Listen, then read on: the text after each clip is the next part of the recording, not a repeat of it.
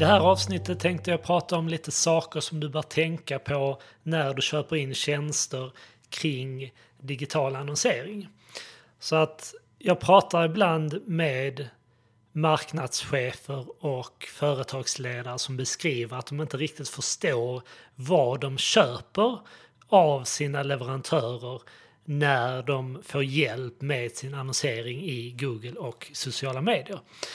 Och det här tycker jag är väldigt synd för en seriös aktör ska kunna beskriva för dig hur de arbetar med er annonsering eh, och vad det, det egentligen är som ni betalar för. Så att um, um, jag tänkte i det här avsnittet bjuda på lite tips på vad ni kan tänka på när ni köper in den här typen av tjänster. Så punkt nummer ett, det är viktigt att förstå vad byrån egentligen hjälper er med eller vad er leverantör gör för den pengen som ni betalar till dem varje månad. Och som jag sa tidigare, en seriös aktör ska kunna berätta för dig hur de arbetar med er annonsering regelbundet och vad de gör för att förbättra era kampanjer. Risken är annars att du har att göra med en leverantör som tar ut ett fast arvode varje månad men som egentligen inte gör något konkret arbete i era konton utan som skickar er en automatiskt genererad rapport varje månad.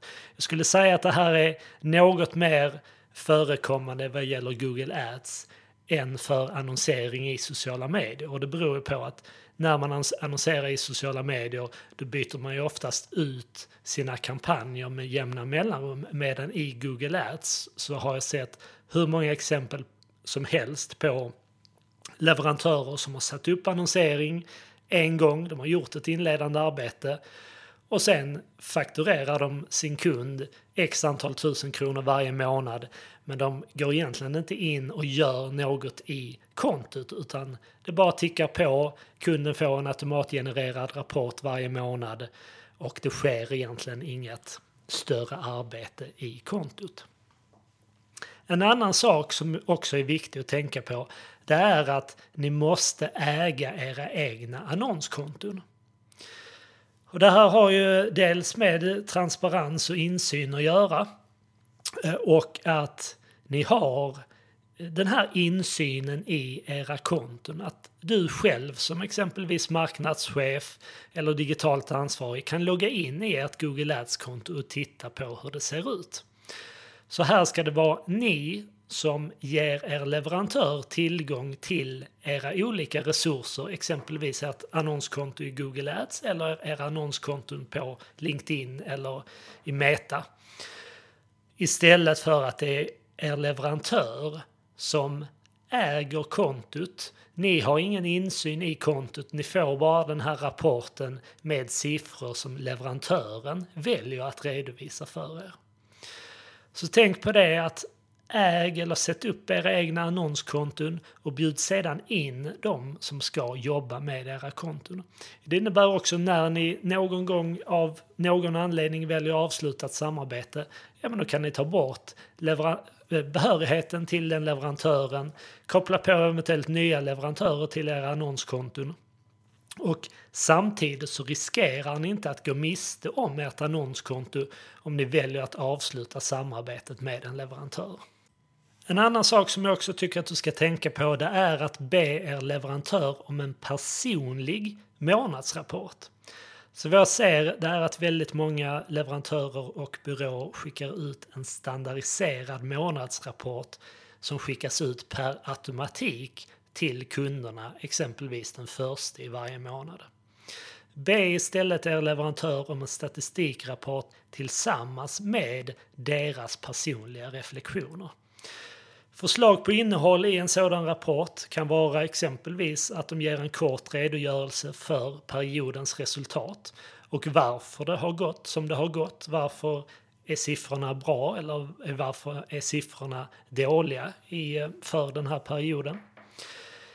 Andra saker som kan finnas med i en, så, i en sådan lite mer personlig rapport det är en kort redogörelse för vad leverantören har gjort under den gångna perioden och vad de planerar att göra under den kommande perioden. Så att det finns en plan för hur er annonsering ska fortsätta att utvecklas.